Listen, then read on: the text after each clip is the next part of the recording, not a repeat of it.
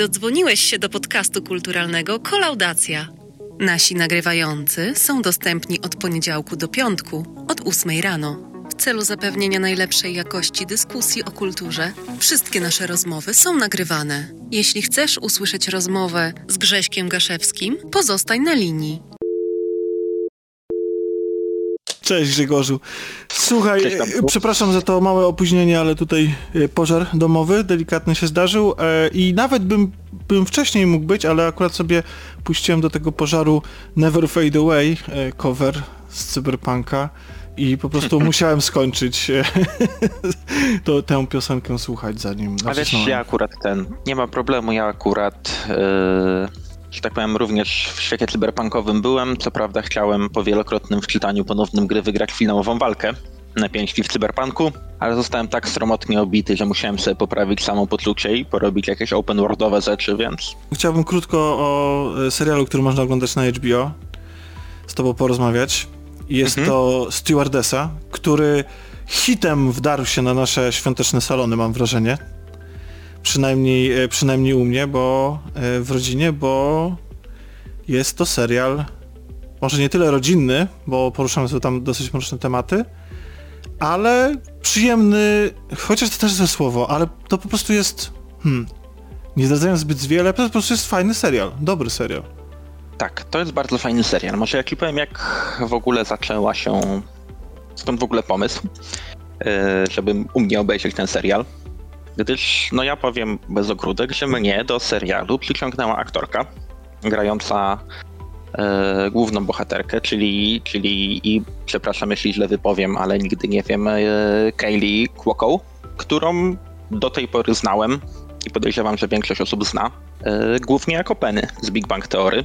Ja Big Bang Theory lubiłem pierwsze sezony, e, bardzo ciepło wspominam, dlatego zobaczenie tej aktorki w końcu w jakiejś innej kreacji było czymś odświeżającym i dlatego bardzo chętnie e, sięgnąłem po ten serial, ale o dziwo bardzo chętnie sięgnęła po niego też moja żona, która ogólnie fanką kryminałów nie jest.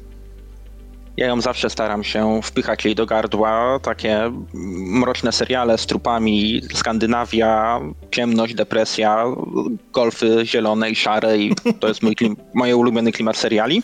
To jest twoja Moja- propozycja na randkę z żoną. No niestety, ja jestem średnio optymistyczną osobą, więc, e, więc różnie z tym bywa. No ale akurat Stewardessa jest takim serialem, który gdzieś e, siedzi po środku.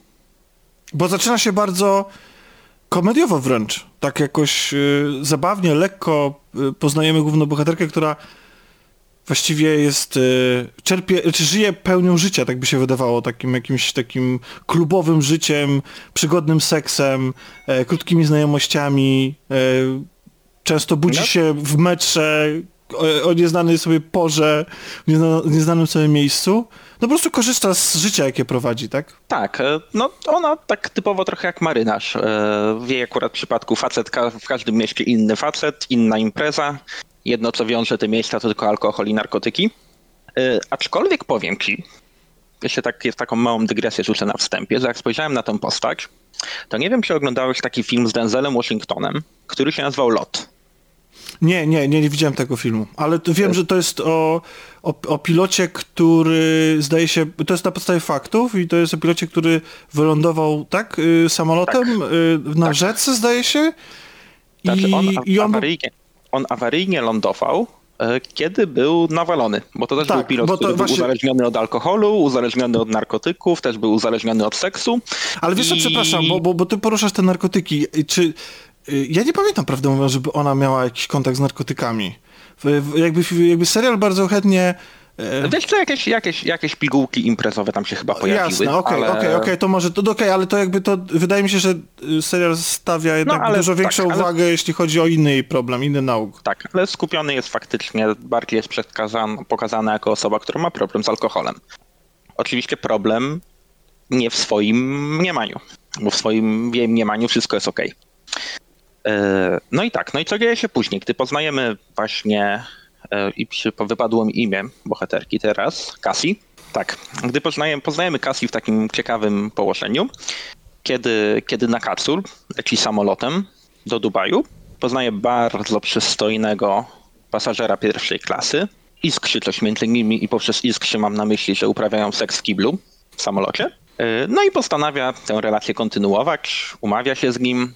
W tym momencie mamy my jako widzowie stopklatkę, bo jedno co widzimy to jak wychodzi pięknie ubrana z hotelu, a później budzi się w hotelowym łóżku, wstaje jak gdyby nigdy nic, po czym widzi, że koło niej e, leży przystojny mężczyzna z tą tylko takim małym haczykiem, że ma poderżnięte gardło. No i w tym momencie świat bohaterki się sypie. Dokładnie i sypie się też ta początkowa atmosfera, która, tak jak wspomniałem, może przypominać jakąś taką komedię, a tymczasem tutaj wchodzimy na bardzo poważne tony i zaczynają nam wjeżdżać również, e, znaczy przede wszystkim kryminalne akcenty, ale też i nieco fantazyjne. Może nie powiedziałbym, że fantazyjne, ale i nie powiedziałbym, że odchodzimy też całkiem od tych komediowych, ponieważ ten czarny humor, ponieważ bohaterka no, jest postawiona w dosyć nietypowej dla siebie sytuacji, ona jest bardzo chaotyczna i bardzo taka no, niepoukładana, przez co wręcz jej zachowanie czasem ociera się o czarny humor, yy, ale faktycznie fantazyjne. Pytanie, czy fantazyjne, ponieważ co się dzieje? Ten facet zginął, który był z nią w łóżku, ale ona cały czas momentami odpływa, tak jakby zawiesza się i gdzieś tam w swoich myślach cały czas jest w stanie rozmawiać z tym facetem. Tak, to jest tak jakby wgląd w jej y, osobowość, w jej psychikę, w jej głowę i ona, co ciekawe, zawsze przenosi się e, w tych swoich y, rozmowach z nim właśnie do tego samego pokoju, y, w którym on zginął, w którym mieszkali. Tak, bo on tam, on tam cały czas cały czas jest i w tej jej głowie jakby został zamknięty ten pokój z tym facetem.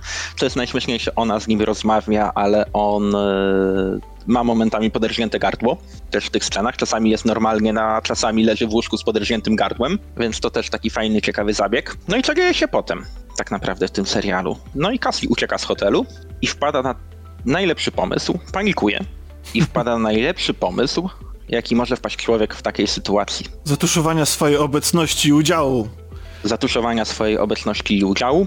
A, a oczywiście, potem... oczywiście, bo nie powiedzieliśmy ważnej rzeczy, że Cassie nie ma zielonego pojęcia, co się wydarzyło i dlaczego ten człowiek nie żyje. Nie wie, czy ona no go zabiła, czy, czy ktoś, czy w jakiś sposób. W związku z tym pierwsze, co jej przychodzi do głowy, to jest oczyścić się siebie z zarzutów, żeby nie być w to, w to być zamieszanym. Tak, oczywiście robi to strasznie chaotycznie, po czym ubiera się, wraca i, wra i odlatuje samolotem do domu.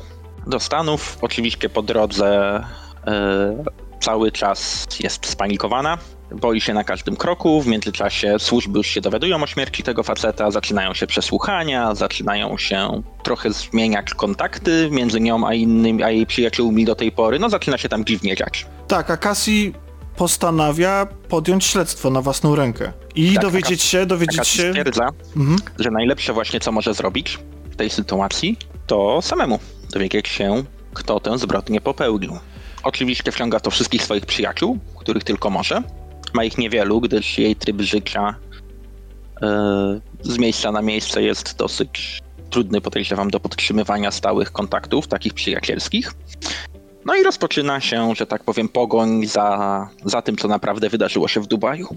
Tak, i rozpoczyna się E, takie grzęźnięcie bohaterki coraz głębiej w tej intrydze, która się zawiązała, spotyka i jakby jesteśmy świadkiem plątywania się w jej, jej w mniej lub bardziej sensacyjne i kryminalne sprawy i jednocześnie coraz bardziej właśnie tak jak powiedziałeś, y, że również przez to w jakiej sytuacji się znalazła, ale też jako jest osobą, odbija się to wszystko na jej relacjach z innymi, więc oprócz tego, że e, zaczyna miewać, miewa, miewa problemy z prawem i jest szansa, że e, będzie oskarżona i coraz bardziej wplątuje się właśnie e, w tę intrygę, to też coraz bardziej niszczy swoje relacje z innymi, niszczy swoje życie. Coraz bardziej grunt osuwa się jej spod nóg. I to jest ta część obyczajowa, dramatyczna serialu, której muszę przyznać, że zupełnie się nie spodziewałem. Ja też spodziewałem się bardziej takiego czegoś w stronę um, sensacyjnego serialu, kiedy takiej czarnej komedii sensacyjnej, kiedy ona będzie biegać po mieście i szukać, co się dzieje. A tymczasem, jeżeli chodzi o wątki dramatyczne, to ten serial bardzo mocno faktycznie daje radę. Moim zdaniem ogólnie to, co i tak jest najfajniejsze w tym serialu, to, co on najlepiej robi, to są właśnie relacje Cassie z pozostałymi bohaterami, czyli z jej najlepszą przyjaciółką prawniczką, która stara się ją, stara się jej jakoś pomóc, ale jej to nie za bardzo wychodzi. Zresztą miewa swoje własne problemy, jak się później dowiadujemy i też wcale to nie są lekkie rzeczy. Tak, tak, jak najbardziej. Jej relacja z bratem, która moim zdaniem jest świetna. Tak, to I, prawda. I ten cały wątek tego, jak tej relacji z bratem moim zdaniem jest jednym z fajniejszych Z, z jego dziećmi, y, to jest tak, to jest y, to, jak ona próbuje być siostrą, znaczy jaką, jaką siostrą jest, a jaką ciotką próbuje być. Tak, bo jeszcze przypomnijmy, że ona cały czas jest e, nawalona. Tak, znaczy właśnie do tego, tak, tak, tak, tak, bo to, to, to jest główny problem jej życia. Nawet nie ten trup w Dubaju, y, tylko, y, tylko fakt, że ona niszczy swoje życie przez alkoholizm. I to jest temat, który jest bardzo silnie zaakcentowany w tym serialu. Tak, ja szczerze powiedziawszy nie spodziewałem się aż tak ciężkiego podejścia do tematu, gdyż no ciężko mi przypomnieć sobie serial taki typowo taki serial z tych Rozrywkowy. gatunku typu, raczej właśnie o rozrywkowych, to jest dobre słowo, który tak poważnie podszedłby do tematu alkoholizmu głównej bohaterki, głównego bohatera, y, jak tutaj. Bo ten serial naprawdę pokazuje, jak alkohol rujnuje życie, ale też pokazuje, jak zachowuje się alkoholik. Jak, e, jak to wyparcie wygląda w ogóle własnego uzależnienia i jak czasem irracjonalne rzeczy człowiek robi, żeby tam wszystko się spięło do kupy. Tak, bardzo fajnie, bardzo fajnie też to widać w postaci jej koleżanki z pracy, która początkowo zazdrości jej w ogóle stylu życia. Tego, że ona jest taka młoda, rozrywkowa, że właściwie my właściwie patrząc na tą postać na początku sobie myślimy, hej, fajna dziewczyna, e, może chętnie byśmy razem z nią poszli na, na imprezę i to jest jakby zresztą w ogóle tej sympatii nie tracimy, y, to jest, to jeszcze za chwilę o tym, za chwilę cię o to zapytam, ale generalnie na początku postrzegamy tą postać jako właśnie taką typową, jak, jak postać wyjętą z Cats Vegas niemalże po prostu. Postać, z, z której e, z jakichś e, jej e, upojnych nocy i balowania możemy sobie pożartować i stwierdzić, hej, to są fajne, fajne opowieści, do, czy, czy, czy po prostu fajny tryb życia, a potem widzimy, jak ona w każdej scenie pije alkohol. Non-stop, jak po prostu nie może tego przestać. I nawet nie chodzi o to, że ona się zatacza, tylko samo jakby sama ta, ta cykliczność, ta, ta non-stop jakby tak, obecność z but butelki w kadrze, to też ona jest... się nie zatacza, zobacz, że ona jest takim tak. w pełni funkcjonalnym alkoholikiem. Jej tak naprawdę ten alkohol nie powiem, że pomaga, ale on ją trochę trzyma w kupie, no tak jak mówię, ona jest w pełni funkcjonalną, funkcjonującą alkoholiczką. Znaczy w kupie takiej, że tak. może wstać z domu i coś zrobić, ale tak, nie, nie jej życie. Jej życie się przy okazji rozpada, no tak. tak. No tak, no ale mam na myśli to, że, że ten alkohol nie przeszkadza jej tak funkcjonować z dnia na dzień. Ale co ciekawe, to nie jest tak, że serial odwraca się od y, tej bohaterki. To znaczy, nie wiem jak ty miałeś, to jest pytanie też do ciebie, ale ja na przykład nie miałem ani razu takiego momentu, w którym pomyślałem sobie, że to jest zła osoba. Znaczy on jej nie y, nie usprawiedliwia, to nie jest tak, że, o, że, że, że twórcy mm, nie krytykują jej zachowania i nie każą jej się jakby zreflektować, tak? A, A ja właśnie nie...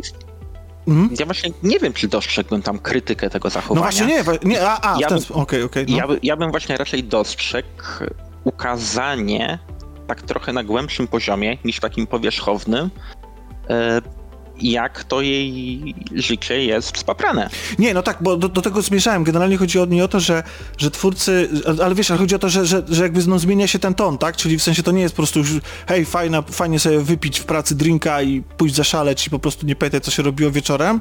To jakby serial do tego podchodzi poważnie i widać, że inne postacie mają do niej uzasadnione pretensje, jej rodzina i tak dalej. To nie jest tak, że ona nie popełnia błędów. To nie jest tak, że twórcy jakby wybaczają jej wszystko, ale z drugiej strony poznajemy przyczynę alkoholizmu, e, widzimy mechanizm, który ją do tego doprowadził i przez cały serial nigdy nie tracimy dla niej sympatii. Cały czas jej kibicujemy w, w walce z nałogiem, nawet jeśli robi rzeczy, z którymi się nie zgadzamy. No, to, to się jak najbardziej zgadzam. E, to mo możemy powiedzieć parę słów tak naprawdę o, o tej kreacji aktorskiej, gdyż ja muszę ci powiedzieć, że to jak e, Kaylee Cuoco wykreowała tę postać, Dla mnie to jest olbrzymia niespodzianka, ponieważ ja po obejrzeniu tam kilku sezonów Big Bang Theory kompletnie niczego nie spodziewałem się po tej aktorce. Totalnie tak samo. Naprawdę. Byłem, ja byłem, jak zobaczyłem ją na plakacie, to sobie to myślę, czy to jest na pewno ona? I myślę, co to za głupota będzie kolejna? Co to ja będzie? też właśnie się właśnie spodziewałem się, że to będzie jakiś taki serial na poziomie takiego, nie wiem, lekkiego, głupawego, śmieszkowego kryminału, a ona tam wykreowała tę postać e, imprezowiczki, wiecznie uśmiechniętej, to fakt, ale mimo wszystko mającej duży bagaż doświadczeń, mających dużo problemów osobistych i sprzedała mi to w sposób bardzo wiarygodny. Tak, i to jest tak, to nie jest tak, że ona ma na przykład dwie twarze. To znaczy, czy trzy, że w zależności od tego, jak scena tego wymaga, to ona jest raz dramatycznie poważna, a innym razem jest e, trzpiotką, czy tam jakoś po prostu taką e, chwytającą dzień e, laską, która bezrefleksyjną, to nie jest tak. To jest cały czas jesteśmy, to jest bardzo konsekwentne. Wszystkie sceny, i dramatyczne, i osobiste, i te komediowe, i sensacyjne, są bardzo dobrze wyreżyserowane i zagrane. Są jakby, prowadzenie tej postaci jest super. Jest, w każdym momencie ona się zachowuje tak, jakbyśmy oczekiwali y, tego od niej. Nawet jak popełnia niesamowite głupoty, niesamowite błędy, to my nie, bo często jest tak, że ludzie oglądają i się irytują, czemu to jest nielogiczne, czemu ktoś to jeszcze tak zrobił. W jej przypadku to jest tak zagrane i wyreżyserowane i napisane, że totalnie to kupujemy i po prostu jesteśmy z tą postacią od początku do końca. Tak, to wypada bardzo spójnie, mimo że ona faktycznie czasami robi absurdalne rzeczy. Jak chociażby wizyta tam na stypie. Tak, tak, to jest tak, to jest tak, to prawda, to prawda. Ma pomysły, zwłaszcza w pierwszej połowie serialu, ale wiesz, z drugiej strony to też jest jakieś w jakiś sposób realistyczne. E, w sensie, no, no, no bo człowiek się zastanawia, co by zrobił na jej miejscu. I, i właściwie w każdy, każdy, każdy jej ruch, jedyna sytuacja, w której ona się znalazła, albo w którą się też trochę wpakowała, prawdę mówiąc, każe, jakby pchają do tego, żeby podejmować najbardziej ryzykowne i szalone kroki, bo tylko wtedy jest w stanie cokolwiek zdziałać. To, to też mi się podoba, w sensie to też, to też się wpisuje w całość. Wpisuje się w całość tej postaci. No, ona jest taką niezorganizowaną, która wiesz, w pokerze wchodzi za wszystko. Ona po prostu w każdym momencie tego serialu wchodzi za wszystko. Jest zdesperowana, żeby, żeby wyjaśnić, co się stało w Dubaju i to jest bardzo fajne, to jest bardzo spójne, to się... E, ja, ja też to kupiłem w 100% tę postać. Ale to nie jest tak, że serial jest bez y, zgrzytu. Czy coś ci się w nim nie podobało? Mm, to może ty zacznij. Wiesz co? co ci się nie podobało, bo ja też mam parę zarzutów, ale, ale takich nie powiem, że jakichś strasznie dużych, bo ja się bawiłem dobrze. Znaczy, ogólnie. tak, ogólnie tak. To znaczy, ja też się bawiłem się bardzo dobrze. Znaczy, to nie jest żadne objawienie, nie wiadomo jaki serial, w ogóle trzeba go zobaczyć, bo inaczej człowiek... Nie, to jest, y, to jest coś, co co absolutnie polecam, ale to nie znaczy, że, y, że tam nie ma jakichś rzeczy, drobnych rzeczy, które jednak mogą, y, mogą wydrożyć. Mi się bardzo nie podobał wątek agentów FBI, którzy ich ścigali, ją ścigali w pewnym momencie. Mam wrażenie, że e, że to były, to nie były postacie, tylko to były jakieś archetypy po prostu. Że, że tak jak reszta, reszta postaci yy, w tym świecie, w tym klimacie była dla mnie wiarygodna, agencie FBI, ta para, z jakiegoś hmm. powodu mi zgrzytali po prostu. Tak, znaczy, mm, no to były postacie, których też nie było jakoś strasznie dużo e, w serialu, ale faktycznie możesz mieć rację, że e, tamte postaci akurat były dosyć archetypowe i też też dialogi między nimi, interakcje między nimi były dosyć, nie były niczym, czego byśmy się nie spodziewali, więc wypadało to dość, dość stereotypowo. Ale szczerze nie był to wątek, tego wątku było bardzo mało, więc mnie aż tak nie irytował. A jak intryga chińska ci się podobała? No ja właśnie chciałem o tym powiedzieć, no bo ja mam bardzo mieszane uczucia co do tej intrygi chińskiej gdyż... E, jest naiwna. Jest naiwna, to raz. Rozumiem, czemu ona miała służyć. Wydaje mi się przynajmniej, że rozumiem, czemu miała służyć, ale jest naiwna, jest dosyć prosta i tak naprawdę jest trochę na doczepkę.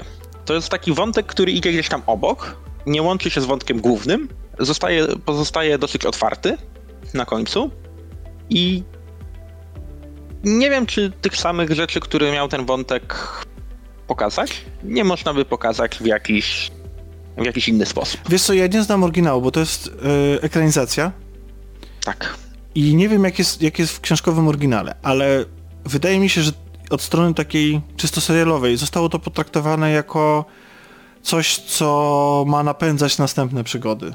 Następne, następne sezony. Tak, tak, tak to traktuję. Dlatego jakby nie zdradzając niczego, wątek Cassie, taki ten, znaczy w ogóle wątek tego morderstwa i, cały, i wszystkiego, czego się, co się z nim wiąże, jest bardzo ładnie zamknięty.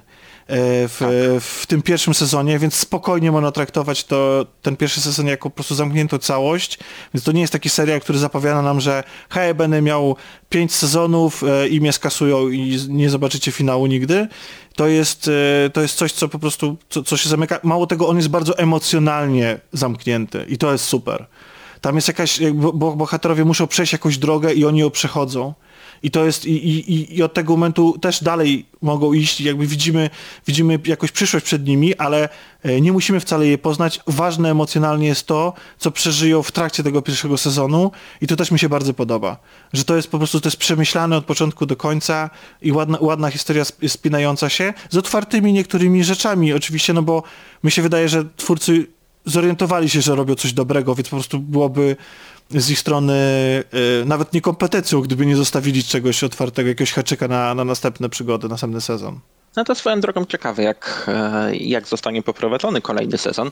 Właśnie z uwagi na to, co też mówiłeś, że główna bohaterka przeszła pewną drogę, znalazła się w całkiem innym punkcie na końcu niż, na, niż była na początku, więc już wydźwięk tego drugiego sezonu na pewno będzie musiał być e, trochę inny bo drugi raz tego samego się nie da zagrać. No ja mam nadzieję, że nie. Mam nadzieję, że to nie będzie, nie będzie żadnej powtórki, że nie będzie żadnego e, kolejnego, kolejnej jakiejś tajemnicy z przeszłości, albo e, że inna postać nie będzie się zachowywała dokładnie w ten sam sposób. Wiecie, bo wie, wiesz, chodzi o, chodzi, o, chodzi o to, że że jest schemat i czasami seriale po prostu w nim grzęzną i każdy kolejny sezon powtarza po prostu pewien schemat, e, który się sprzedał Wiem. za pierwszym razem. To jest, to jest okropne, strasznie tego nie lubię. Ale cóż, no myślę, że można mieć jakieś pozytywne oczekiwania wobec twórców, skoro dali radę tym razem, to znaczy, że można im y, dać kredyt zaufania, y, bo y, kurczę, wiesz co, to, to, to, nawet nie chodzi o to, że Cassie jest fajna. Ja mam wrażenie, że właściwie wszyscy bohaterowie, że ich się dobrze ogląda tutaj że, że jest, a jest jeden twist, który tak widać z kilometra po prostu. Y, to, to, to bardzo mi się to nie spodobało. To jest taka zagrywka tak, już no... tak, tak wyświechtana, że w kryminałach i w różnych tego tak, typu... Wiem, wiem, o którą chodzi, ale jeszcze yy, to fakt, że to było coś, co da się przewidzieć bardzo szybko. Ale, ale postaci, to co mówiłeś, że postaci pozostałe i ich wątki też są super tak. w tym serialu, moim zdaniem. Właśnie wątek tej przyjaciółki prawniczki i jej chłopaka mhm. jest super, moim zdaniem. Bardzo pokazuje też tę, tę samą prawniczkę i to, co ona też musi tam zrobić. Bardzo ciekawie pokazuje, jak, jak działają niektóre, niektóre firmy prawnicze, jak to wygląda. I ten to jest ciekawe też, jakby, gdy, jakby była kontynuacja tego serialu, jakby, jakby to zostało pociągnięte. E, tylko ciekawi mnie jedna rzecz, bo pierwszy sezon jest na podstawie książki. Mhm. E, ja nie wiem, to jest książka chyba dość świeża z tego, co ja pamiętam. To jest jakieś ostatnie 5-6 lat. Nie, Zastanawia się, co dalej, skąd wezmą materiał na więcej. No przecież HBO akurat pokazało, że potrafi doskonale rozwijać książkowe e, pierwowzory, które nie zostały skończone lub kontynuowane na przykładzie Gry Tron. Ha, ha, ha. Wiesz ja jestem z, ty z tych osób, które... Nie oglądały. Nie, nie zabolał mnie tak bardzo ten ostatni sezon Naprawdę? Gry Tron. Naprawdę, jakbym wiedział, to, to, nie, to już mi nie nagrywali. to bym nie zadzwonił. Znaczy nie... ja ja wiesz, ja emocjonalnie nie byłem związany jakoś strasznie z tym serialem. Ja, bo moja przygoda z Gromotron była taka, że obejrzałem pierwszy sezon. Zakochałem się w pierwszym sezonie. To było dla mnie coś tak odświeżającego, że potrzebowałem więcej. Więc co zrobiłem? Kupiłem sobie całą książkę, całą sagę, całą dostępną sagę. Przeczytałem od deski do deski. Chyba nawet raz, albo może dwa razy. Część na pewno dwa razy, nie wiem czy wszystko. No i później oglądałem drugi sezon. Ok, ale trochę inaczej. Trzeci sezon mm, tu zgrzytnęło tak mocno i odpuściłem w trzecim sezonie. A dopiero w zeszłym roku chyba zrobiłem sobie taki rewatch, kiedy już było, wiesz, z pół roku po zakończeniu serialu. Zrobiłem sobie rewatch od początku do końca wszystkich e, sezonów, więc ja już byłem nie byłem tak emocjonalnie związany z tą historią, którą przedstawiał serial, bo no, moja historia rozegrała się w książce. A one się trochę rozjechały. Jasne, rozumiem, rozumiem. No okej, okay. no czy no i masz jeszcze nadzieję, że w związku z tym książki przedstawią to ostatecznie lepiej. Ale wracając do samej... Znaczy, no, mhm. Nie mam nadziei, bo sądzę, że nie powstanie, ale gdy te książki nie powstaną. Ale to wiesz, to będzie takie... Mm... Naprawdę? Nie chcesz nigdy zakończenia tej historii? Bardzo bym chciał, ale nie sądzę, żeby Martin ją kiedykolwiek napisał.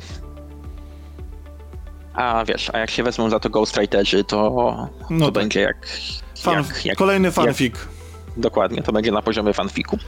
Yy, ale wracając jeszcze na, do, do stewardessy, to myślę, że ton naszej rozmowy jasno świadczy o tym, że polecamy. Może to nie jest objawienie telewizyjne 2020, ale mimo wszystko warto się skusić, poświęcić czas. Tak, jak najbardziej. Ja ci nawet powiem, że to jest serial, który u mnie uderzył w podobne tony jak inny serial, który ja uwielbiam. Trochę bardziej sensacyjny niż kryminalny, ale Killing Eve. Tak, wiesz co, też o tym Ej. myślałem. Te, te, te, też myślałem cały czas o tym serialu, bo to jest takie właśnie połączenie tej, tej groteski komedii czarnej z e, poważnymi wątkami. I z, bohater, tak, i z bohaterami, którzy zachowują się w konwencji, więc to nie są super poważni ludzie i super poważnie traktują swoje życie i to, co się dzieje, ale jednocześnie jesteśmy bardzo emocjonalnie zaangażowani w to, co przeżywają. Tak, i relacje między postaciami odgrywają tak naprawdę pierwsze skrzypce w obu serialach. Mhm. Aczkolwiek ja przestałem oglądać Killingi po drugim sezonie. Nie wiem dlaczego, czy ta formuła się wyczerpała, czy mam wrażenie, że jest, że jakby, jakby ten, że jakby serial zgrywa się z, ciągle z tych podob, z podobnych elementów po prostu. Jak, jakby, jakby zapomniał, że może mieć coś innego jeszcze do zaoferowania. Nie wiem, czy też tak to odbierasz. O, trochę tak. No drugi sezon był Drugi sezon był w sumie właśnie to, to o czym mówiłeś. O, seriale opowiadają podobne historie w kolejnych sezonach. E, właśnie drugi sezon Killing Eve tak naprawdę mm, tak naprawdę trochę w podobny sposób opowiedział to, co było w pierwszym sezonie, tylko zrobił tam akurat fajnego fikołka nar narracyjnego, który do mnie trafił, bo pierwszy sezon tak naprawdę był poświęcony, po polsku ten serial nazywał się Obsesja Eve. Mhm kiedy tak naprawdę to Eve miała obsesję na punkcie. Ojejku, wypadło mi z głowy. Eee, jak się nazywała ta druga bohaterka? Ta zabójczyni. Yy, Google, no, Google Villanelle. Villanelle, tak. No, ale tak, to... Eve miała w pierwszym sezonie obsesję na punkcie Villanelle, a, a drugi sezon to była z kolei obsesja Villanelle na punkcie dopadnięcia Eve. I to było ciekawe. Trzeci sezon uderza w całkiem inne tony. Nie wiem, czy lepsze. Yy, całkiem inne, ale chyba czekam na czwarty. Jeżeli nakręcą, a na pewno nakręcą, to chyba czekam na czwarty. Ja mam ten, też ten problem, że też ten pierwszy sezon wydawał mi się całkiem zamknięty. To znaczy, jasne, tam były luźne wątki też, ale to była jakaś taka, też jakaś droga, nie wiem. Mam wrażenie, że, że może faktycznie, yy, ja bardzo lubię porzucać seriale, po prostu. Mam wrażenie, że, że jak zobaczę, że, że zaoferowało mi wszystko, co mają do powiedzenia, to później już mnie to tak specjalnie nie interesuje. Chyba, że zabieram się za coś, co już jest zamknięte, czyli wracam do serialu, który powstał kiedyś, są wszystkie sezony, no to wtedy jest łatwiej coś takiego skończyć. Po prostu, bo, bo wiesz... Bo wiesz, bo wiesz, wiesz, wiesz, gdzie jest koniec. To, to ja tak miałem, wiesz, z jakimś serialem tak, komediowym, który tak. ma 9 sezonów, Jasne, więc... właśnie, to, tak, to właśnie takie przejście chciałem zrobić do niego. A czy chcesz rozmawiać o tym? Nie, nie wiem, nie wiem, jeżeli chcesz, znaczy to, wiesz, wiesz, bo jakby sobie żartujemy oczywiście tam, wiesz, w innych rozmowach prywatnych, że odnośnie tego, no jakby każdy z nas, to jest tylko kultura, znaczy i tylko jasz, ale, e, ale, ale jakby rozmowa, ja jestem ciekawy, bo mówimy o, o serialu The Office, ok? E, I, e, I to jest serial, który jest kultowy, absolutnie kultowy, ma status e, w popkulturze, w naszej bańce, w internecie, na Twitterze, no w ogóle jest masa memów z niego i nagle pojawia się Grzesiek, który po prostu jest taki party puperem i mówi nie macie prawa się dobrze bawić na tym serialu, bo to wcale nie jest dobry serial. To znaczy, to jest serial, z niego jest, to co bardzo ważną rzecz powiedzieć, z niego jest bardzo dużo memów, do niego jest bardzo dużo od, odniesień, bo to jest serial one-linerów, w którym... Mówimy o jego tak amerykańskiej wersji, The Office. Tak, amerykańskiej wersji, w którym bardzo dużo jest takich running joke'ów, które powtarzają się yy, co kilka odcinków, jak chociażby That's What She Said, słynne. I, ale w pewnym momencie oglądając tam, nie wiem, powiedzmy jeszcze te sezony z Michaelem, czwarty, piąty sezon, ja sobie zdałem sprawę, że to jest cały czas ten sam żart. Te postaci są dosyć ograniczone, jeżeli chodzi o, o charakter. Na, na postać przypadają góra trzy cechy charakteru w tym serialu, takie mam wrażenie. I to jest cały czas ten sam żart. I no to jest temat na dłuższą, dłuższą dyskusję moim zdaniem. Nie chcę teraz e, chyba, okay. chyba, chyba w nią wchodzić. No, ja, no, nie... ja może nie powiem, nie powiem, że bawiłem się jakoś strasznie źle przy tym serialu, ale uważam, nie rozumiem tego zachwytu całego świata mówiącego, że jest to najlepszy serial komediowy, który kiedykolwiek powstał. Rozumiem, aczkolwiek aczkolwiek ja znalazłem tam więcej interesujących dla siebie treści. Nie, nie uważam, że serial jest stały i niezmienny i, e, i, i to nie jest tak, że jego bohaterowie się nie rozwijają i że mają tylko jeden żart do opowiedzenia. Mam wrażenie, że Mm, do momentu, w którym serial skupia się na Michaelu, głównym bohaterze, to jest jednak e, opowieść o, o, To jest trochę opowieść o... Znaczy Michael coś reprezentuje, tak? Mm, kogoś reprezentuje.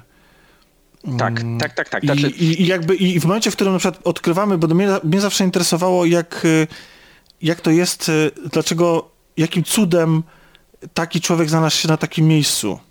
I bo jego łatwo sobie wyobrazić, że to jest tak nierealistyczne, nierealne wręcz, że ktoś taki może kierować firmą, że, że komuś takiemu się da zaufać. A potem serial to tłumaczy i to wytłumaczenie było dla mnie zupełnie wystarczające. Mało tego, ja po prostu, ja lubiłem Michaela. Mimo, mimo jego wszystkich wad, e, rasizmu, e, seksizmu i tak dalej, to, był, to, to jest postać, która y, jest tragiczna i, i też y, wydaje to mi się... To, nie, to sorry, dokończ. Nie, no chodzi mi o to, że jest ona pisana w taki sposób, że te rzeczy, te wady, y, o których mówię, wynikają nie z jej złego y, nastawienia charakteru, tylko z pewnej takiej ignorancji y, i niewiedzy, jakiegoś takiego... Mm, bo to, to nie znaczy, że on nie ma oczywiście wad, to znaczy, że on nie bywa złośliwy e, e, i wtedy jest, wtedy też go widzimy go też takiego wobec konkretnych osób, konkretnych zachowań. To nie jest tak, że, że, że on nie ma wad, absolutnie, tak, mm, i że nie ma do niego mieć pretensji, ale e, łączy w sobie strasznie dużo rzeczy i, i, i to jest taki miszmasz, że, że można na jego temat sądzić 10 różnych rzeczy jednocześnie i każde jego zachowanie troszeczkę inaczej oceniać. I to jest ciekawe dla mnie. Patrzenie tak. na Michaela było dla mnie zawsze ciekawe. Tak, i ja ci powiem jeszcze jedną rzecz. E, Michael, jego ostatnim sezonem jest chyba siódmy sezon, potem są jeszcze dwa bez niego. I kiedy oglądałem, ja nie lubiłem Michaela. Oglądałem i autentycznie nie lubiłem Michaela. Pierwszy sezon to była dla mnie tragedia, yy, przebić się przez niego, właśnie z uwagi na, na postać Michaela. No ale ta postać faktycznie była prowadzona yy, przybyła w drogę faktycznie w tym serialu, była, była dobrze prowadzona, no ale kiedy odszedł w siódmym sezonie, na koniec, zaczął się sezon ósmy i mówię, dobra, w końcu bez Michaela, w końcu nie będzie mnie irytował. Po czym po paru odcinkach stwierdziłem sobie, że serial, stracił, że serial stracił postać, która tak naprawdę napędzała go. Stracił najciekawszą postać, która w tym serialu była. Więc yy, Zgadzam Więc Mike, Michael był postacią, która faktycznie przez te 7 sezonów ten serial ciągnęła.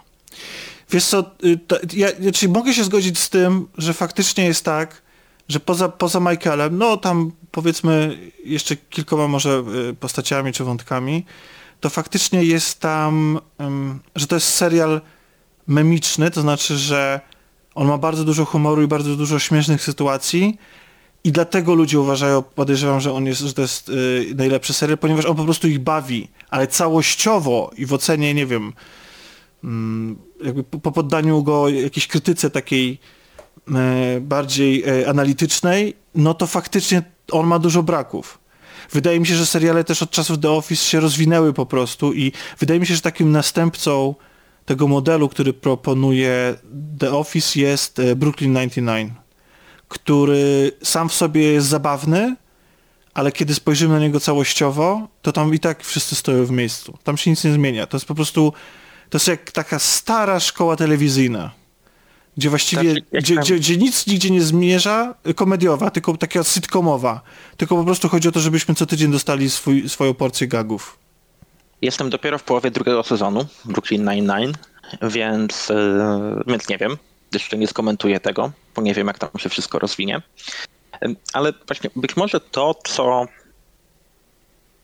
co trochę The Office, co też mi trochę przeszkadzało, było to, że jednak, po- popraw mnie jeśli się mylę, czy The Office było pierwszym takim klasycznym, jak to się teraz nazywa, mockumentary? Czy były wcześniej jakieś takie seriale? Mm, Wiesz co, na pewno był jednym z pierwszych. Zaraz, zaraz sprawdzimy oczywiście. Bo on był Internet bardzo, on był w bardzo zamkniętym, on był w bardzo zamkniętym środowisku. E, bo tam 95% akcji to było to biuro. Bardzo mało pojawiało się tam postaci pobocznych. Głównie rozgrywało się wszystko we- wewnątrz tych 10-12 postaci. No i być może dlatego ja dość szybko jednak poczułem zmęczenie Ro- tym, co się tam działo. Jasne. Znaczy, wiesz co, mi się ta forma akurat podobała i ona, ona mnie nie znudziła, ale yy, no, na szybko nawet w internecie nie jestem w stanie sprawdzić, czy to był jeden, no na pewno był jeden z pierwszych, yy, na pewno jeden z pierwszych, który odniósł sukces. I to te mockumentary zastąpiły trochę stare sitcomy w ogóle. Yy, takie klasyczne. Wydaje mi się, że ostatnim sitcomem takim, s- który odniósł yy, duży sukces, no, były jeszcze właśnie e, zakończone niedawno mm, i wspominamy, wspomi- wspominany dzisiaj Big Bang Theory, ale e, wydaje mi się, że How I Met Your Mother był takim ostatnim, a potem po prostu mm, sitcomy klasyczne zostały zastąpione przez mockumentary i z tego gatunku mi osobiście najbardziej przypadł do gustu Modern Family. Nie wiem, czy widziałeś. Y, Widziałem kilka sezonów Modern Family, aczkolwiek nie zgodzę się, bo jeszcze tylko kurczę musiałbym... Znaczy Brooklyn Nine-Nine jest w sumie bardziej klasycznym sitcomem, to nie jest mockumentary. Y, Community było po czy przed? Y, A, Community to nie jest mockumentary. Community to jest w ogóle... no tak, to, to ale jest, mówi, mówimy o klasycznym sitcom, taki bardziej klasyczny sitcom. Yy, zaraz sprawdzimy. Był przed czy po How You Met Your Mother? Wydaje mi się, jestem pewny, że, że, że po, ale... Po. Tak, czyli to Community było takim moim zdaniem sitcomem, który, który zamykał. Bo How, I- How, I, How I Met Your Mother 2005, Tak. a Community 2009. Ale aczkolwiek Community jest bardzo specyficznym sitcomem, to jest właściwie meta, sit, me- meta, meta serial właściwie tam. To jest w To- ogóle, kiedyś totalnie, nie wiem, ja chętnie o, tym, o nim pogadał, ponieważ on jest fantastyczny do analizy i tam jest po prostu tyle warstw i tyle, e, tyle rzeczy, na, na, o których można porozmawiać. I jeszcze dobre miejsce. Dobre miejsce. E, a, The Good Place.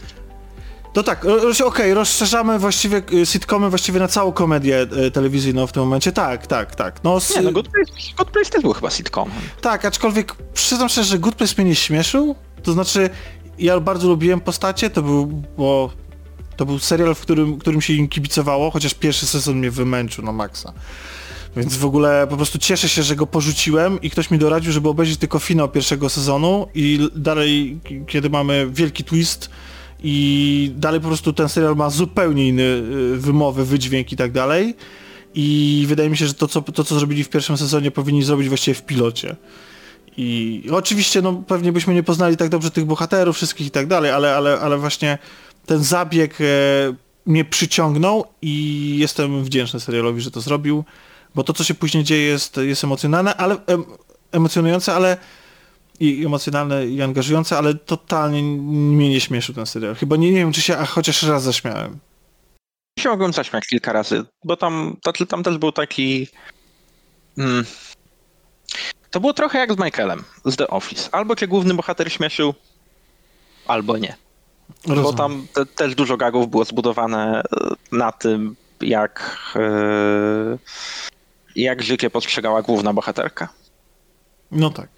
Ale też bardzo ładna, zamknięta opowieść o drodze od, y, y, od jednego punktu do drugiego w swoim życiu po życiu. Tak, e, zgadzam się. Bardzo, bardzo dobra rzecz. Polecam. Ale nam się zrobił, zrobiła rozmowa, a nagle skręciła w ogóle w kierunku, którego chyba nie planowaliśmy. A ty masz jeszcze coś do dodania? W sensie chciałeś o czymś jeszcze opowiedzieć? No to zależy, ile mamy czasu, bo Mamy tyle... Słuchaj, teraz impulsy są po prostu... Każdy abonament właściwie zawiera nieskończoną ilość impulsów, więc po prostu aż do y, skończenia świata y, możemy gadać. No dobra, to ja mam jeszcze coś, coś co chciałbym ci opowiedzieć. Nie wiem, czy cię zaciekawi. Mm. Ym, ale przejdę tu może od, e, zanim utoniemy w naszej miłości do cyberpunka. Chciałem napomknąć o mojej innej wielkiej miłości, jakim była wydana parę lat temu Legend of Zelda Breath of the Wild. Jeżeli chcemy rozmawiać o grach jeszcze. No oczywiście, jasne. Tak i nie. Ja uważam, może jeszcze nawiązując do tych obecnych trendów, gier, którą stronę gry idą, to ja bym chciał, żeby szły w stronę Breath of the Wild, a niestety idą w stronę Assassin's Creed Origin. Eee, bo i powiem teraz, powiem jeszcze o jednej rzeczy.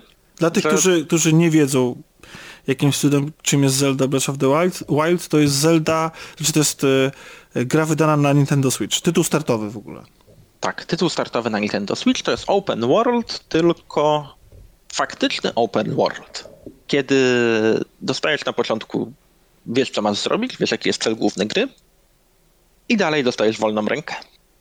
Możesz sobie robić w tym świecie co chcesz. Nie masz za dużo kropek, które cię pchają do przodu. Nie masz jakichś tam kolejnych e, naciąganych, fabularnych scenek, które wiesz, Wspomnę znowu tego asasyna, ale nie ma takich sytuacji, że musisz pilnie iść kogoś ratować, a w tym czasie rolnik prosi cię, żebyś mu przegonił hipopotamy z pola i ty wiesz, rzucasz wszystko i idziesz bić się z tymi hipopotamami. Więc e, Zelda tego nie robi, ponieważ e, ta fabuła jest tam prowadzona całkiem inaczej.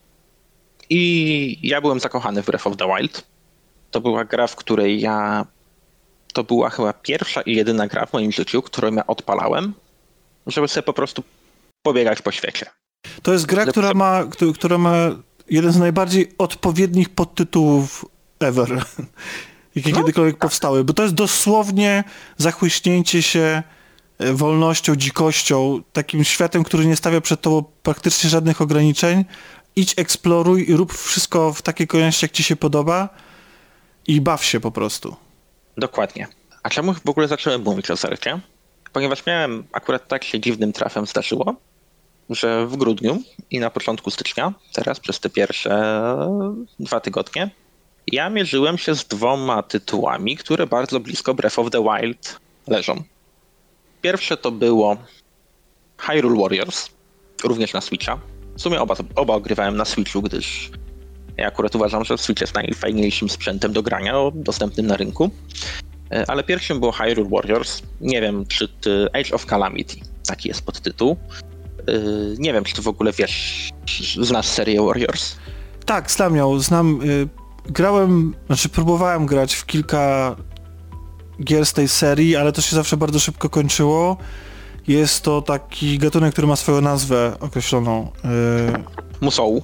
tak, i to jest, polega on na tym, że walczy się z hordami, z zalewem, po prostu falami Tak, y, Tak, przeciwników tam naraz. 2000, 3000 przeciwników w ciągu jednej misji to, to nie są jakieś tam nieosiągalne rzeczy. Dynasty Warriors jest chyba takim najbardziej... No, Dynasty Warriors to jest e, protoplasta tego gatunku Mhm. i chyba, chyba najsłynniejsza gra, która ma wielką rzeszę fanów na, na całym świecie, bo ludzie w to grają, ludzie to, w to topią jakieś setki godzin, bo to są zazwyczaj tytuły na, na setkę godzin z górką. Giant Enemy Crab. Wszyscy pamiętamy e, tą konferencję Konami. E, wiesz co, to, to nigdy nie był gatunek, który mnie kupił. Ja, e, który, który, który jakoś e, przypadł mi bardzo specjalnie do gustu. Pamiętam, że na nie wiem czy na Switchu grałem w demo e, z Fire Emblem. Tak, na Switchu było Fire Emblem Warriors, I- to było poprzednie Warriors na, na Switcha, bo chyba nie było żadnej tej kanonicznej, głównej odsłony w międzyczasie. No nie. Znaczy w sensie tutaj wiem, że ta część się łączy fabularnie z Breath of the Wild i jest prequelem, zgadza się? Tak, jest to prequel, który dzieje się Mówimy o. Hyrule Warriors, żeby, żeby tak usystematyzować, tak. Wracamy do Hyrule. Hyrule Warriors Age of Calamity. Tak, dzieje się 100 lat przed wydarzeniami właściwymi, właściwymi tymi, które pokazało nam Breath of the Wild i pokazuje pierwsze, pierwszą próbę przebudzenia się Calamity. Ja nigdy nie umiem przetłumaczyć słowa Calamity, gdyż uważam, że jest to piękne słowo po angielsku, jedno chyba z moich ulubionych. Więc Calamity Ganon ma się przebudzić i znowu nasi dzielni bohaterowie z linkiem na czele ruszają, żeby zapobiec. Po polsku jest e... nie, nieszczęście, to e, tak tłumaczy przynajmniej e, translator, więc to chyba nie jest e, zbyt szczęśliwe tłumaczenie. No, nie ma tej mocy moim zdaniem. Słowo nieszczęście versus słowo calamity, bo słowo calamity jest takie dosyć podniosłe, bym powiedział. Mhm. To jest takie, że jak słyszysz to słowo, że to wiesz, że coś, czego trzeba się obawiać. No, ale w każdym razie jest pierwsza, pierwsza próba przebudzenia się Ganona. Yy, no i nasi bohaterowie znów muszą przeciwstawić się temu. Tu akurat jesteśmy trochę wcześniej, jeszcze zanim się to wydarzy. Zaczynają się dziać na świecie pewne zwiastuny, które mówią, że to się wydarzy. Yy, no i żeby temu przeciwdziałać, Bohaterowie muszą oczywiście, podobnie jak w Breath of the Wild, zebrać czterech czempionów, obudzić cztery bestie, które czempioni będą pilotować. Ogólnie cała konstrukcja fabuły jest e, dosyć podobna, jak w Breath of the Wild, że też musimy pochodzić po tym świecie, poodwiedzać właśnie tych czempionów, co jest ciekawe, tych samych, którzy później pojawiają się w Breath of the Wild. I no, i musimy zebrać drużynę i nie dopuścić do tego, żeby Ganon się przebudził. I tak jak wspominałeś, w ogóle może czym jest, czym, czym jest sama seria Dynasty Warriors? To są typowe slashery. Nie oszukujmy się, to są typowe slashery. Rzucają cię na arenę, dostajesz zazwyczaj, nie wiem, od jednego do czterech postaci, pomiędzy którymi możesz się dynamicznie zmieniać i to jest slasher. Czyli musisz jak, jak wczesne God of War nawet można powiedzieć. Co jest takiego fajnego w tym slasherze? Że system walki, jeżeli kochałeś Breath of the Wild, to doskonale się tutaj odnajdziesz. E, Link walczy praktycznie w ten sam sposób, który walczył w Breath of the Wild. Czy też ma psujące się bronie po dwóch uderzeniach? Nie ma psujących się broni po dwóch uderzeniach. i to już świadczy o tym, że jest lepsza gra. tak, to jest, to jest jedyna zmiana wobec tego. Aczkolwiek to są dokładnie te same bronie zbiera się dokładnie te same materiały. Są dokładnie ci sami przeciwnicy co w Breath of the Wild, y, tylko jest to całkiem inna gra w środku. Ale co chciałem powiedzieć? Jeżeli lubiłeś... Dobra, jeszcze jedną rzecz powiem na początku. Ja ogólnie nie lubię Zeldy. Nie hmm. lubię gier z tej Dobrze, serii. dziękuję ci e, Grześku, to było super nagranie. E, przykro mi, ale do końca roku jestem nieuchwytny, więc nie, może nie złapiemy się już więcej. Nie, ja podchodziłem do tych, do tych, do tych takich klasyków jak, jak Ocarina Czasu, jak Majora's Mask, do tego wszystkiego, co było na 3DS-ie i na DS-ie wcześniej. Yy, podchodziłem, no ale nigdy żaden do mnie nie trafił. A Breath of the Wild do mnie trafił tą swoją wolnością, którą oferował. Natomiast yy, ludzie marudzili, że Breath of the Wild nie ma w sobie historii. Wiesz co, Zeldy nigdy nie stały tak naprawdę grubo historiami. Jasne, one tam zawsze były i, i, i, i fajnie jest szukać nawet powiązań pomiędzy poszczególnymi częściami i sobie kombinować i wymyślać sobie po prostu teorię, co kiedy się działo i tak dalej, który Ganon to jest który, który Link to jest który przede wszystkim. Ale to ja nie wiem, czy się dla Zeldy, dla, takiej, dla takiego dziania się po prostu, dla jakichś twistów i tak dalej się grało. Tam, tam po prostu były jakieś zazwyczaj jasne, były fajne rzeczy fabularne. Fabularnie. I jasne, działo się więcej niż to, co się działo w Breath of the Wild. Mm, ale nie wiem, czy to jest główna siła napędowa tej serii.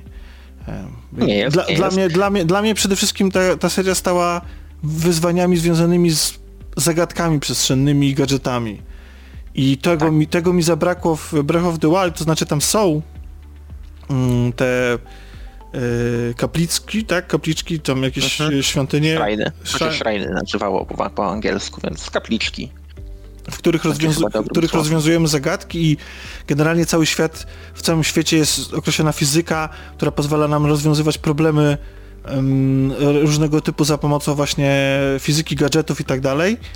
I to jest niby spoko, ale ich rozrzucenie i taka jakaś skromność po prostu. Nie chodzi mi o to, że one były, to, że to były kiepskie pomysły, czy, czy nie wymagały jakiegoś wielkiego wysiłku, chociaż to też prawda, ale jakaś taka, y, miało się wrażenie, że to jest ta rzecz, która jest dodana do tego świata, a nie esencją rozgrywki.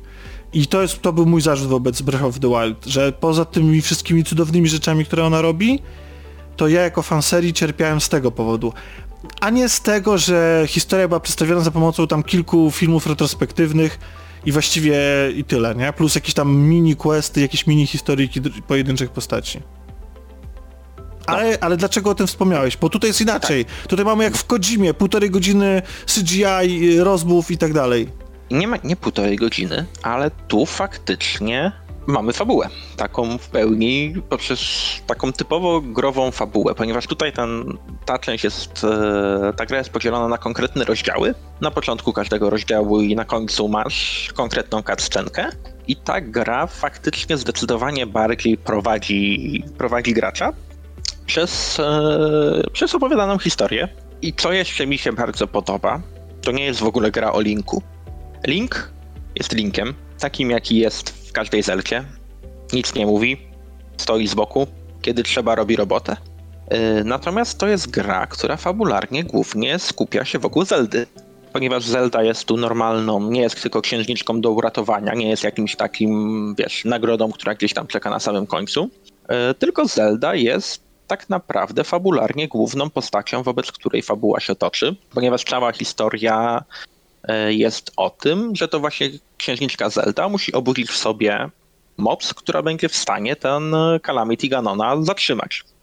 Okej, okay, tak... ale, ale w związku z tym, bo Link był Link jest jedną z tych postaci, które jest nie ma. I tak. to bardzo konsekwentnie. On odzywa się w dwóch grach, zdaje się, i to nie są gry Nintendo. Mm, i w serialu animowanym, ale poza tym to, y, to jest postać nie ma i w związku z tym mam pytanie, czy teraz, skoro główną bohaterką jest Zelda, y, to Link się odzywa w związku z tym? Nie. A Zelda nie. się nie odzywa? Nie, nie. Link cały czas jest właśnie tą cichą postacią, jest tym takim, wiesz, strażnikiem, który chodzi za Zeldą krok w krok, on w każdej cutscence jest, ale to, ale to Zelda gada. Ale jest tak taki, jak, ten, jak są te mamy z tym NPC-em, który tam się po prostu zaplątał gdzieś tam w tle w poważnej, e, w, w poważnej fabularnej cutscence, a ty wyglądasz po prostu jak jakiś tam clown przy, e, przebrany i tak dalej, nie? Z Saints Row. Ale, ale, ale, to trochę takie, że wiesz, cutscenka polega na tym, że nie wiem, że Zelda z kimś rozmawia, nagle okazuje się, że atakują potwory, leci, nie wiem, wielka kula ognia, główne w Zelda i w tym momencie przed nią pojawia się Link z tarczą i E, który tam po prostu jest. Był tam cały czas, nikt nie zwracał na niego uwagi, ale on tam cały czas jest i w momentach akcji tak naprawdę zaznacza się jego obecność. Więc ta postać w ogóle się nie zmieniła. Link cały czas jest Linkiem, ale właśnie e, przez to, że Zelda przez całą grę jest obecna, tam zdecydowanie więcej się gada. Zdecydowanie więcej omawia się takich bieżących e, wydarzeń w grze. Te postaci dyskutują między sobą. I, I to jest super moim zdaniem, bo to jest gra, która komuś powiedziałem, albo gdzieś to usłyszałem, nie pamiętam, która w końcu jest legendą Zeldy, a nie legendą Linka, który zjeżdża na tarczy z górki śnieżnej. No, dlatego, yy, dlatego ja się bawiłem wyśmienicie. I bardzo fajny tytuł. Jeżeli ktoś lubi świat Breath of the Wild, jeżeli tęskni za tą estetyką, bo ja muszę ci powiedzieć, że ja byłem zakochany, jak wizualnie Breath of the Wild wygląda to i prawda. strasznie tęskniłem za tą, strasznie tęsknię za tą estetyką. To prawda, Żeby znowu w tym świecie pobyć, to to jest świetna właśnie taki nie powiem, że zapychacz, tylko fajne takie wypełnienie tego czasu oczekiwania na, na tą zapowiedzianą dwójeczkę, która nie wiadomo kiedy się ukaże. Rozumiem. Czyli foka polecenia. A co przypadku drugiej gry? Bo mówiłeś o drugiej grze, która ci się teraz, skojarzyła. teraz będę miał, będę miał piękne przejście. Bo powiedziałeś, że w Breath of the Wild zarzutem dla ciebie było mało takich zagadek typowo środowiskowych. Mhm, to ku tak. wielkiemu mojemu zaskoczeniu e, w grudniu premierę miała również gra, która była... O, może, może powiem tak. Mówiłem na początku, że są dwa kierunki. Jednym, ten, w którym chciałbym, żeby gry poszły, to jest Breath of the Wild, Drugi, w którym nie chciałbym, żeby poszły, to jest e, Assassin's Creed, te nowe. A jest jeszcze trzecia droga. A Ubisoft w grudniu wydał grę, która poszła dokładnie środkiem tej drogi. Pomiędzy tymi dwoma drogami wytyczyła swoją własną. Mowa tutaj o Immortals, Phoenix Rising, e, bo jest to gra, która pełnymi garściami czerpie z e, Breath of the Wild. Też mamy, mamy całkowicie otwarty świat od samego początku. Możemy sobie iść gdzie chcemy, robić co chcemy. E, mamy zerżnięte szrajny, które były w Zeldzie tymi takimi zamkniętymi instancjami z jedną zagadką logiczną. Tutaj z kolei mamy, mamy takie e, dziury w ziemi, przez które spadamy do Tartaru i tam musimy rozwiązać jakąś zagadkę, żeby się wydostać. E, więc jeszcze zaraz powiem o większej ilości podobieństw, tylko chciałbym jeszcze na początku powiedzieć trochę o samym świecie, w którym ta gra się dzieje i o samej fabule, o czym ta gra jest. To jest gra osadzona w mitologii greckiej, która ostatnio za sprawą Hadesa chyba, że tak powiem, powróciła do łask graczy. Ja mam wręcz takie wrażenie, tak sobie pomyślałem ostatnio, że God of War zwolnił grecką mitologię, bo przeniósł się do, do innego świata. Więc teraz i Assassin, i Indyki, i Ubisoft, wszyscy teraz cisną w grecką mitologię. No.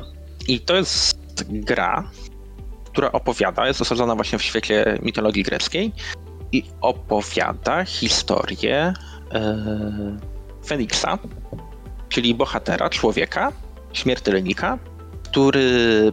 Czekaj, to jest, będę... to jest y, chłopak, tak? Czy w sensie? Może, Właśnie może będę używał przydomku zaimka która, zaimków kobiecych, ponieważ możemy sobie wybrać, czy gramy postacią A, damską, okay. czy, czy Bo nie wiem dlaczego, ale... ale... mi się obiło o oczy, że, że gramy tam właśnie postacią kobiecą i dlatego byłem zdziwiony, czy to jest tam... Ale bo Myślałem, że kanonicznie, kanonicznie nie wiem, czy nie jest to kobieta. Musiałbym doczytać, ale nie pamiętam w tym momencie, ale możemy sobie to wybrać. Co najlepsze, możemy to sobie zmienić w połowie gry, bo ja grałem pierwszą połowę gry facetem, a w którymś momencie stwierdziłem, że zobaczę, czy da się zmienić płeć dało się zmienić płeć bez problemu. Wszyscy przeszli na porządku dziennym e, do tego, że nagle moja postać z faceta stała się kobietą. No, ale w każdym razie Feniks rozbija się na wyspie, e, na wyspie, na Złotej Wyspie. Nie wiem, czy to jest to jakieś mitologiczne miejsce, faktycznie, wiesz, pochodzące z tej klasycznej mitologii, czy nie. Ale w każdym razie jest to wyspa, na której e, na której zaczął przebudzać się tajfon, i Typhon jest jednym z tytanów. Ja akurat czytam mitologię, mitologię mamy taką książkę o mitologii dla dzieci, czytałem trochę, więc Tytani, mogę ci powiedzieć dokładnie, kto to był. E, tytani tak naprawdę narodzili się przed bogami, tymi klasycznymi greckimi, jako synowie Gai i, Uranosa, ale zostali zepchnięci do Tartaru. A po nich przyszli bogowie i, i była to, to, to wszyscy znamy, a gra opowiada o tym, jak jeden z tytanów się budzi bierze jako zakładników wszystkich bogów i Zeus udaje się wtedy, który tam jeszcze został na wolności, udaje się do, do Prometeusza, przykutego na skalę, więc jest już to po tych klasycznych wydarzeniach, gdyż Prometeusz, o czym niewiele osób pamięta, widział też przyszłość i pyta Zeus Prometeusza, co tam się wydarzy. I Prometeusz zaczyna siać historię, zaczyna opowiadać historię Feniks, i Feniks rozbija się na wyspie, na tej złotej wyspie. Okazuje się, że wszyscy jej mieszkańcy zostali zamienieni w kamień. Ona Czyli cała gra to jest wizja przyszłości. Tak, i zaraz ci powiem, jeszcze wrócę do tego, do tego, jak to wygląda. Tak, ale cała gra jest taką opowieścią o tym, co, co Prometeusz widzi. A czy narracyjnie to gra wykorzystuje jakoś? W sensie. Zaraz, zaraz wrócę okay. do narracji. Tak, yy, ale w każdym razie Fengs na tej wyspie zastaje, że wszyscy są zamienieni w kamień, postanawia rozwiązać historię, ponieważ również swojego brata, który płynął na tym statku, którym ona płynęła, jej brat także jest zamieniony, ona chce go uratować. Gdzieś tam w międzyczasie spotyka Hermesa i Hermes opowiada jej historię, jak to musi, że tak powiem, jedyną drogą do, do uratowania tych ludzi jest pokonanie tego tytana. I teraz przejdźmy do warstwy takiej typowo narracyjno-fabularnej. E, jak wygląda narracja? Narracja w tej grze jest piękna moim zdaniem, e, ponieważ cały czas jest to ta opowieść, którą Prometeusz opowiada Zeusowi. Natomiast, yy, więc mamy w grze narratora, trochę jak w Bastionie. To co, to, co się dzieje, to, gdzie nasza postać się pojawia, bardzo często jest opisywane przez Prometeusza takimi, wiesz, głosem z offu.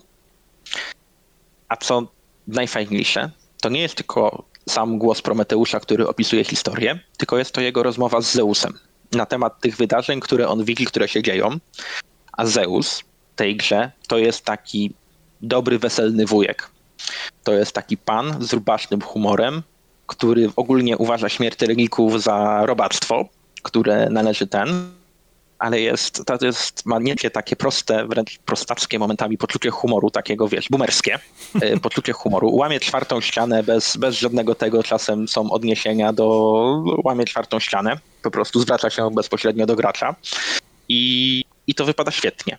I to są, wiesz, tak jak mówię, czasem są to, są to żarty na zasadzie, że nie wiem, spotykasz jakiegoś bossa i Prometeusz mówi, że wtedy naprzeciw Feniksa tam stanęła najgorsza bestia, coś tam, coś tam, a Zeus w tym momencie, he, he, to chyba nie widziałeś Hery, jak wstanie lewą nogą. Wiesz, takie żarty, wiesz, Hera to żona Zeusa. No takie I... dwójek na weselu, no. No tak, to 100% dwójka na weselu i to jest tak A ma piękne. wąsa? Jeszcze raz? Czy ma wąsa takiego, wie, zamiast brody no, zwyczajowej? Brodę, to... brodę. brodę ma zwyczajową, więc, ale jest taki poziom humoru takiego, e, takiego wiesz, dla wszystkich patrzy z góry, wszystkich uważa za głupków, uważa się za najmądrzejszego i no, w końcu jako jedyny nie dał się po pojmać i uwięzić przez Tytanów, więc odrobinę trochę ma racji. Trochę ma racji, ale to nie jest tak, że, że jest jedyną tą nieporwaną, nieporwaną bogiem, ponieważ później cała gra, trochę podobnie jak w Zeldzie, co również jest rozwinięte z Zeldy, yy, taką pierwszą podstawową rzeczą, którą dostajemy do zrobienia jest yy, pomoc czterem bogów, bogom, dokładnie jak czterej Herosi, no, Breath of the Wild. Totalnie tak. Tak, musimy ich uratować, żeby oni później pomogli nam w walce z tym, yy, z tym Tytanem. I to jest. E, tylko to nie jest tak, że możemy sobie po prostu ich, do nich pójść i poprosić ich o pomoc, ponieważ no każdy z nich jednak, jednak ten, ten tytan trochę im tam nabruździł w życiu. I tak na przykład Afrodyta została zamieniona w drzewo, Atena została zamieniona w dziecko, Ares w niedźwiedzia, a nie pamiętam kto był czwarty, bo tam jeszcze nie doszedłem, więc, yy, więc nie wiem. No i tak, e, tak to wygląda fabularnie. No a gameplayowo, tak jak mówię, stajesz rzucony w otwarty świat, możesz iść gdzie chcesz, możesz robić co chcesz. Jest bardzo dużo zagadek środowiskowych.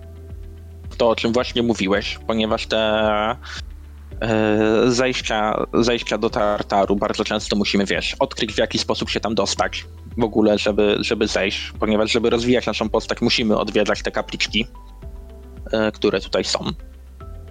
I no i tak to wygląda. Czekaj, czekaj. jest to... No wiesz co, e, Grzesiek, ja, ja muszę kończyć, przepraszam, nie możemy kontynuować dalej tej rozmowy, dlatego że ja po prostu się niebezpiecznie zbliżam do tego momentu, w którym pragnę gry Ubisoftu i, e, i to jest po prostu, to, to się nie może wydarzyć, także dzięki, na raz. Jak, jak, jak powiem, że właśnie jakbyś miał wybrać grę Ubisoftu, to jest ta gra Ubisoftu, aczkolwiek jest szansa, że stwierdzić, że już to grałeś. Wiesz co, jeżeli, jeżeli te zagadki są fajne, to, to, to, to każda kolejna Zelda to chyba grałem już w to w jakiś tam sposób. Y, ja strasznie łaknę takich rzeczy. Ja, ja uwielbiam stare Tomb Raidery i, i nawet zagadki w nowych Tomb Raiderach, y, więc dla mnie te, te właśnie te środowiskowe zagadki to jest coś naprawdę połączone z platformówkowością, z wyzwaniami platformówkowymi, to, to... To, tu jest, to, tu jest, to tu jest dokładnie to. Dobra, to pytanie, jest, czy bronie się niszczą? Nie, bronie się nie niszczą. E, bronie w ogóle mają bardzo, bardzo, bardzo fajny jest sposób rozwijania postaci, ponieważ broni nie mają żadnych e, statystyk, mimo że jest ich całe mnóstwo, ale bronie mają, każda ma jakąś swoją unikatową cechę. Że na przykład, nie wiem, masz jeden miecz, który będzie e, ogłuszał przeciwników lepiej, masz jeden miecz, który będzie ci, nie wiem, odnawiał powiedzmy wytrzymałość za którymś tam ciosem, jest jakiś miecz, który w zależności od tego, jak długie combo robisz, tym mocniej będzie atakował, ale nie ma w ogóle takich statystyk, wiesz, że ten ma 10 damage, a ten ma 20 Jasne. damage. A, a, te, a te wszystkie rzeczy takie zeldowe typu gotowanie, albo to, że nie możesz się wspiąć, bo nie masz odpowiednich ciuchów i będzie ci za zimno, albo to, że tam nie stamina... Ma, nie ma czy... Stamina jest. Stamina jest identyczna jak w Zelcie. Wspinasz się tak samo jak w Zelcie bo, bo to działa tak samo. Jest to identyczne. Gotowania jako takiego nie ma, jest takie dosyć bardzo, jest takie bardzo uproszczone, że mamy jakieś tam mikstury, które tam mamy cztery mikstury, jedną odnawiającą życie, jedną odnawiającą yy, tą staminę, jedną tam wiem, wzmacniającą offense, jedną wzmacniającą defense i tylko je gotujemy, więc takiego klasycznego gotowania zeldowego nie ma, gdzie tłuczemy przepisy. A czy, a czy, y, bo Zelda stała też fizyką.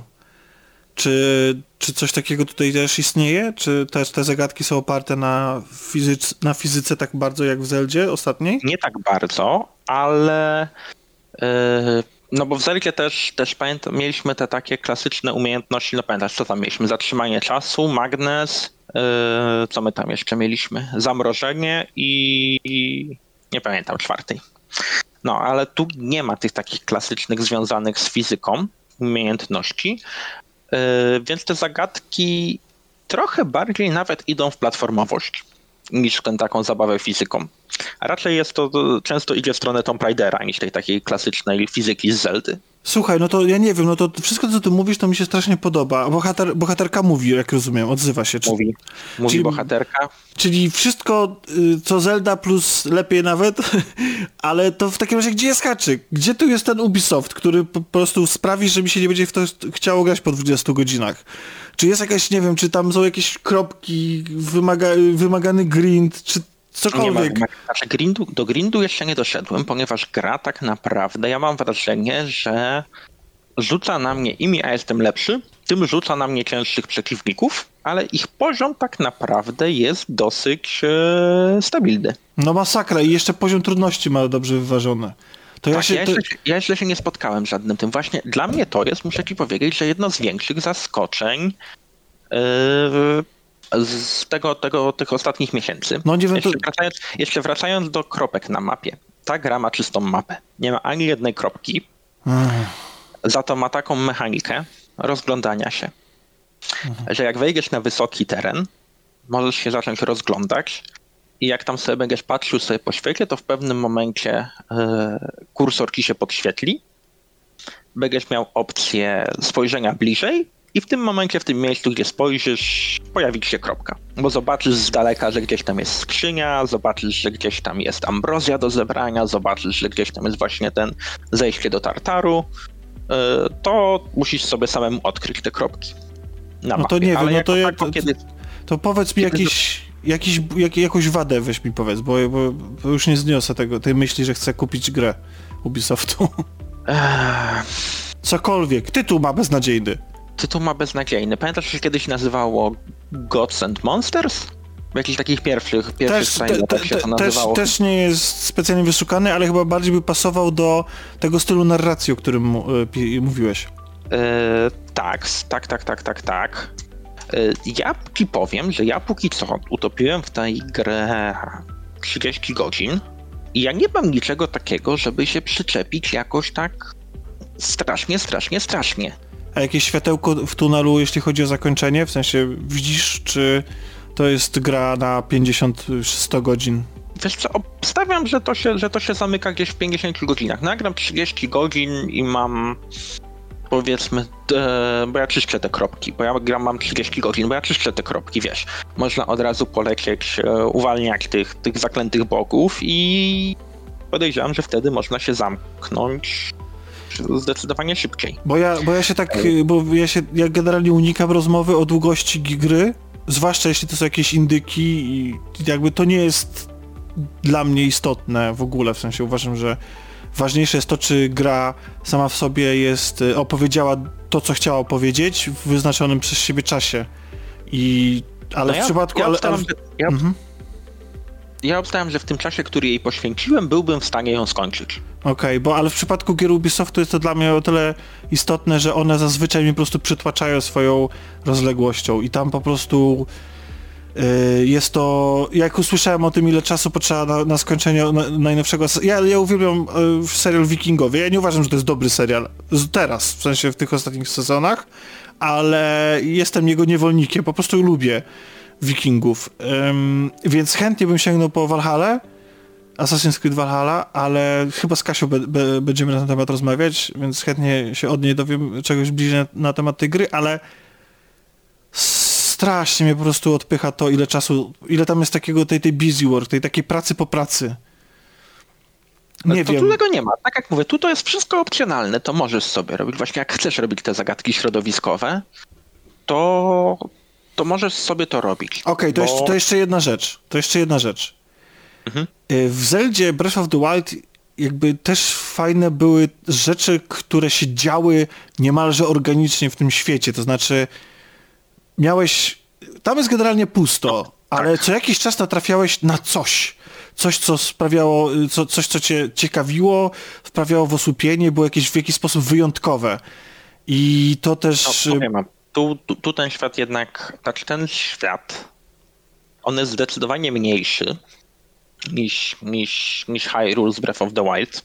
Ja mam przynajmniej takie wrażenie, że zdecydowanie szybciej można przebyć z, z jednego końca na drugi. I no, on, no, on niestety nie żyje takim życiem jak, jak żyło Breath of the Wild. To akurat jest trochę... Czyli jednak, e... czyli jednak jest, mogę zasnąć dzisiaj spokojnie, znalazłem jakiś, e, jakąś wadę. Nie, znaczy, tak jak mówię, yy, to jest gra, która gdzieś tam stoi po środku, pomiędzy Zeldą i Asasynem, bo jednak tak jak mówię, tych, jak chcesz w nią robić mrówczą pracę, to się narobisz, ale obstawiam, że jest to najbliższa gra Breath of the Wild, jaka kiedykolwiek powstała i która kiedykolwiek powstanie. I ja naprawdę bawię się wyśmienicie. I tak jak mówię, i te zagadki to jest tak naprawdę gros tej gry. 90% obstawiam, że spędzasz na, na eksplorowaniu tego świata i zagadkach, a tylko jakieś 10% to jest tam walka, bo typów przeciwników akurat, o mogę ci powiedzieć, że jest bardzo mało przeciwników, bo jest tam, nie wiem, trzech, czterech. O, wow. Takich konkretnych, no może więcej, e, ale jest, nie wiem, jakiś tam rycerz, taki jakiś, e, jakiś plujący i latający i... No czy, nie, no jest czy jest jakiś easter egg no nawiązujący do God of War? Jeszcze nie znalazłem. Yy, jeszcze nie znalazłem, ale jest to, co ja na przykład bardzo lubię w tej grze, to jest bardzo dużo kontentu yy, mitologicznego Mhm. Czyli. No jasne, no, rozumiem, wiem. Wszystko jest okraszone taką, bo ponieważ to jest ta opowieść, to jest ten dialog cały czas. I na przykład jest taka sekcja, mm, są taki, jest taki typ zagadek, kiedy powiedzmy masz taką ścianę, na której masz narysowaną konstelację gwiazd i musisz znaleźć tam powiedzmy pięć kulek, żeby tę konstelację ułożyć na takiej planszy. Tam, żeby każdą kulkę znaleźć, to musisz rozwiązać zagadkę, no ale to już jest to, to o czym mówiłem, że tych zagadek fajnych, środowiskowych jest dużo. Yy, natomiast na przykład jak tam przyjdziesz, no to Prometeusz i Zeus zaczną rozmawiać na temat tej konstelacji, no bo wiadomo, że to, wtedy te gwiazdy dość mocno korespondowały z, tymi, z tą mitologią. Każdy miał swój gwiazdozbiór, każdy był za coś e, z czymś powiązany gwiazdozbiór i oni non-stop gadają, jak odwiedzasz jakieś miejsce, Prometeusz z Zeusem opisują, wiesz, wydarzenia mitologiczne, które tam się działo. E, na przykład jak spotykasz jakichś takich mocniejszych przeciwników na mapie, to są wszystko wyjęte żywcem z mitologii e, postaci. Że na przykład jak musisz, nie wiem, zobaczysz super wypasionego dzika, to oni ci oczywiście napomkną, że jest to dzik, z którym Herakles tam musiał go pokonać e, w tych swoich 12 pracach, tylko teraz go właśnie Typhon wyciągnął, tego dzika z Tartaru i, i tego kontentu fabularnego jest bardzo dużo, tego flafu. Yy, jeszcze do easter egga nie doszedłem z God of War, nie wiem czy takowy jest, aczkolwiek jeszcze kończę wątek yy, właściwego boga, boga wojny, czyli Aresa, więc może coś tam się pojawi, ale nie wiem.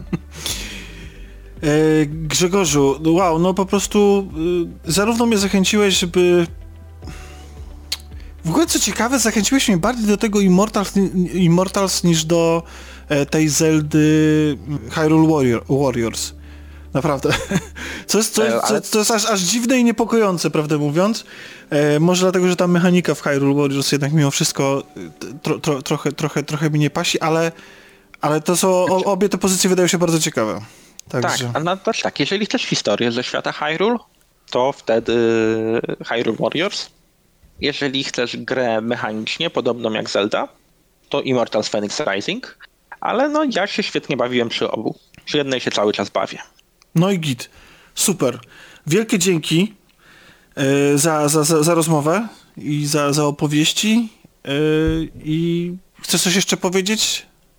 Chyba tak wiesz, ja mogę, ja mogę jeszcze dużo opowiadać. Może, może... Słuchaj, to będzie jeszcze okazja. Na pewno będzie jeszcze okazja. Wielkie, wielkie dzięki za, za dzisiaj i za, za rozmowę. I cóż, yy, słyszymy się niedługo. Tak, słyszymy się. Oby jak najszybciej. Tak jest. To dzięki raz Dobra. jeszcze i trzymaj się i na razie. Trzymaj się, na razie. Połączenie zakończone. Wszelkie szczegółowe informacje, jak tytuły dzieł, ich dostępność, czy linki do rzeczy omawianych w rozmowie, znajdziesz w opisie tekstowym odcinka. Rozmawiał Tomek Pieniak, głos centrali, Alex. Dziękujemy za telefon i zapraszamy ponownie.